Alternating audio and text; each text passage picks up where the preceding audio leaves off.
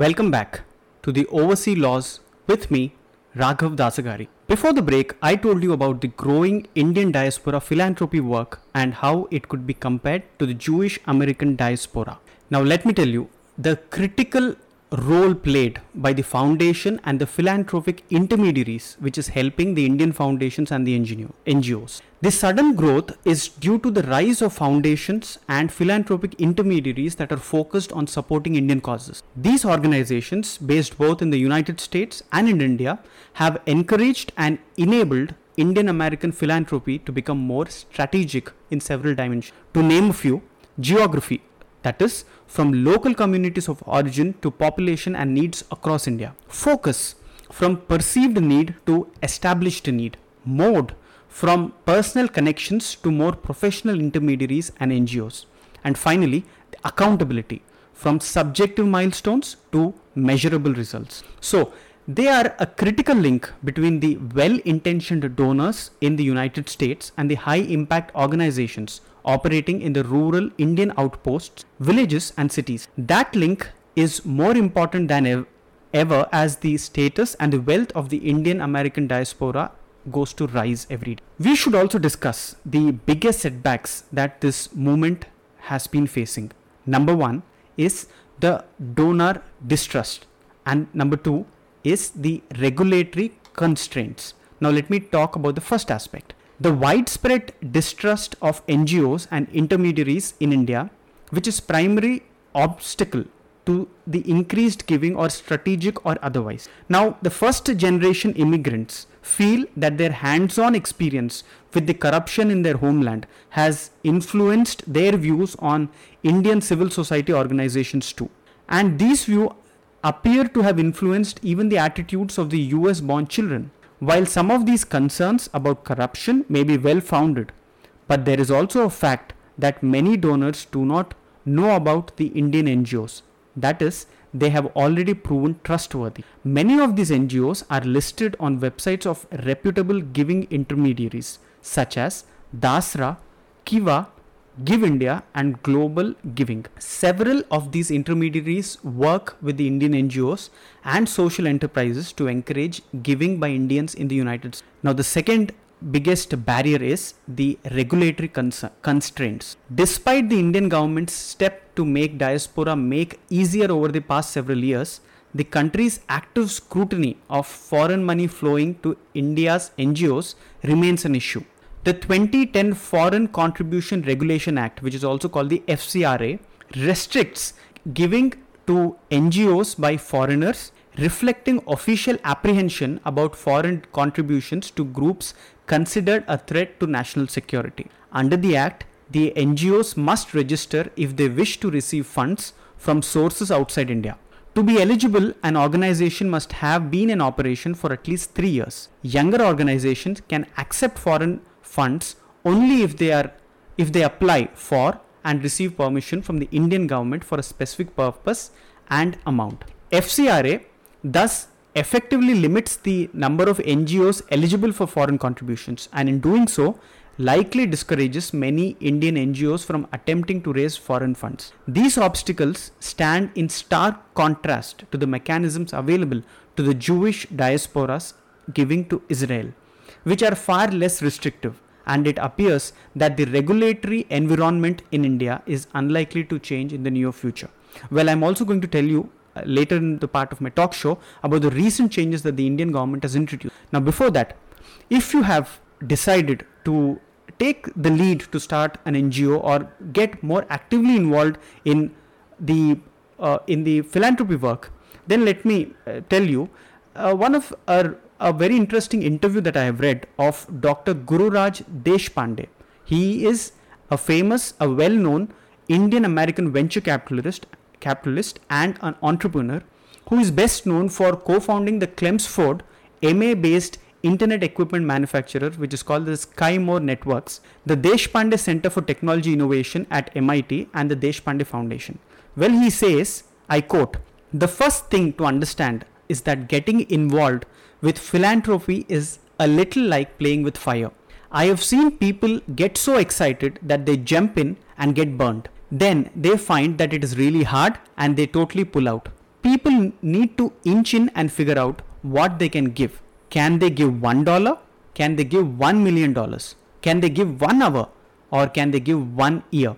Based on what they can give, they should pick up the appropriate cause to support and not get too excited. Well, these are the words of this reputed Indian American venture capitalist and entrepreneur who is actively involved in various social causes in India. Now, having said that, I would like to tell you what are the things that you need to know before setting up an NGO in India. If you are thinking of starting a new NGO in India, then please mark my words. Starting an NGO requires more than just money. It requires hard work, determination and a genuine desire to support others. To start and run an NGO is almost similar process to run a company. Here you have to maintain greater transparency.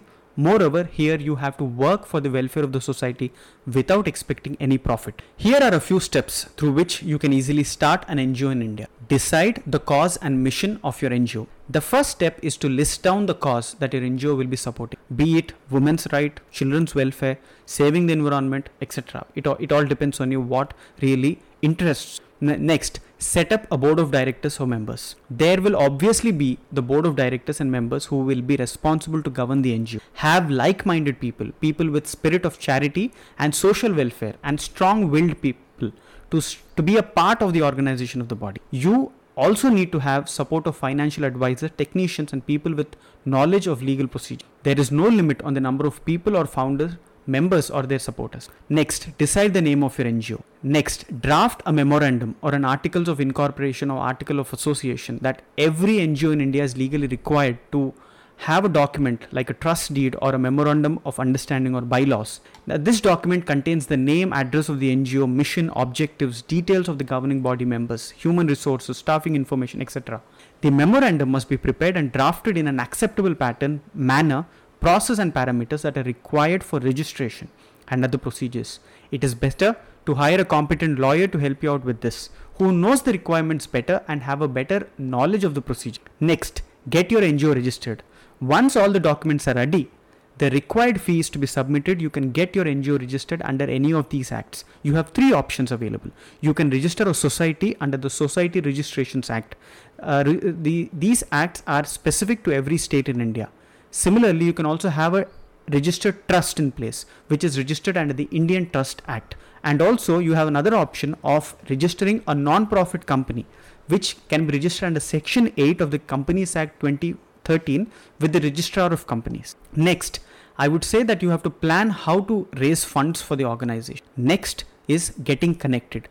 Build a wide network that is very critical for the life and better longevity for your organization. Now, you may ask me some questions. Why register an NGO in India? What are the benefits out of it? Well, a registered NGO gains the legal status and becomes accountable for the funds.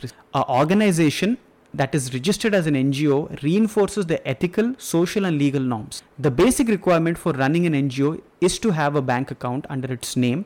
In order to open an account, it is mandatory to be registered as a trust or a society or a Section 8 company, which I've already told you. The registration of an NGO is necessary to seek tax exemption from income tax authority. Now, which body is better? Will it you know that itself will take another talk show for me to explain what are the nitty-gritties and the other nuances that each body offers uh, well i will reserve that for another talk show uh, moving forward you may ask me can any government employee or an officer or, or a member be a member of the ngo well the answer is yes the government employees or officers can be part of ngos provided the ngo is not anti government there are a few rules that to that these people have to follow. One of them is to make sure that the NGO is not a profit making body. What are the other alternatives to start and set up a non government organization? You may ask me this. Well, if you do not want to start an NGO, you have other options by which you can help the society. You can start a club, a volunteer service, be a part of a local chapter of an already existing NGO, and even be a fiscal sponsor. Now, I wish to tell you what are the recent changes that the Indian government has introduced to the FCRA law.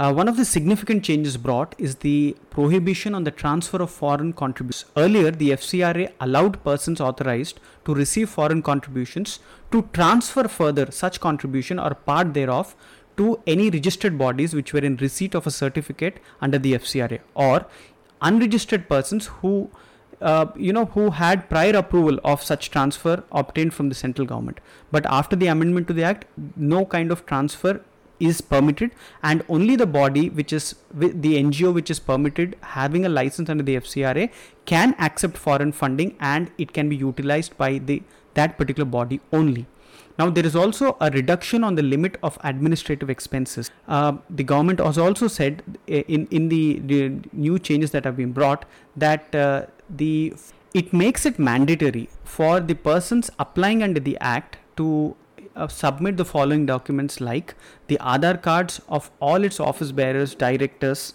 or key functionaries as an identification document, or a copy of the passport or an overseas citizen of India card in case of foreigners. The other changes that have been introduced is the creation of a new FCR, FCRA account.